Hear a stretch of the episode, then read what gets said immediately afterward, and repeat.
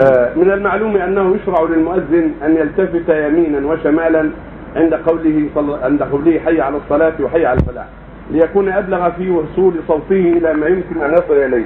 والآن بعد وجود المكبرات الصوتية هل يشرع له الالتفات اذا لو التفت لابعد عن عن لاقط الصوت؟ الالتفات له حكمة يمينه وشماله حتى يسمع الجهتين الشمالية والجنوبية. أما بعد وجود المكبر فلا حاجة للالتفات. لو كان الالتفات ينفع ما ينفع لكن لا ينفع. قد يخل بالصوت.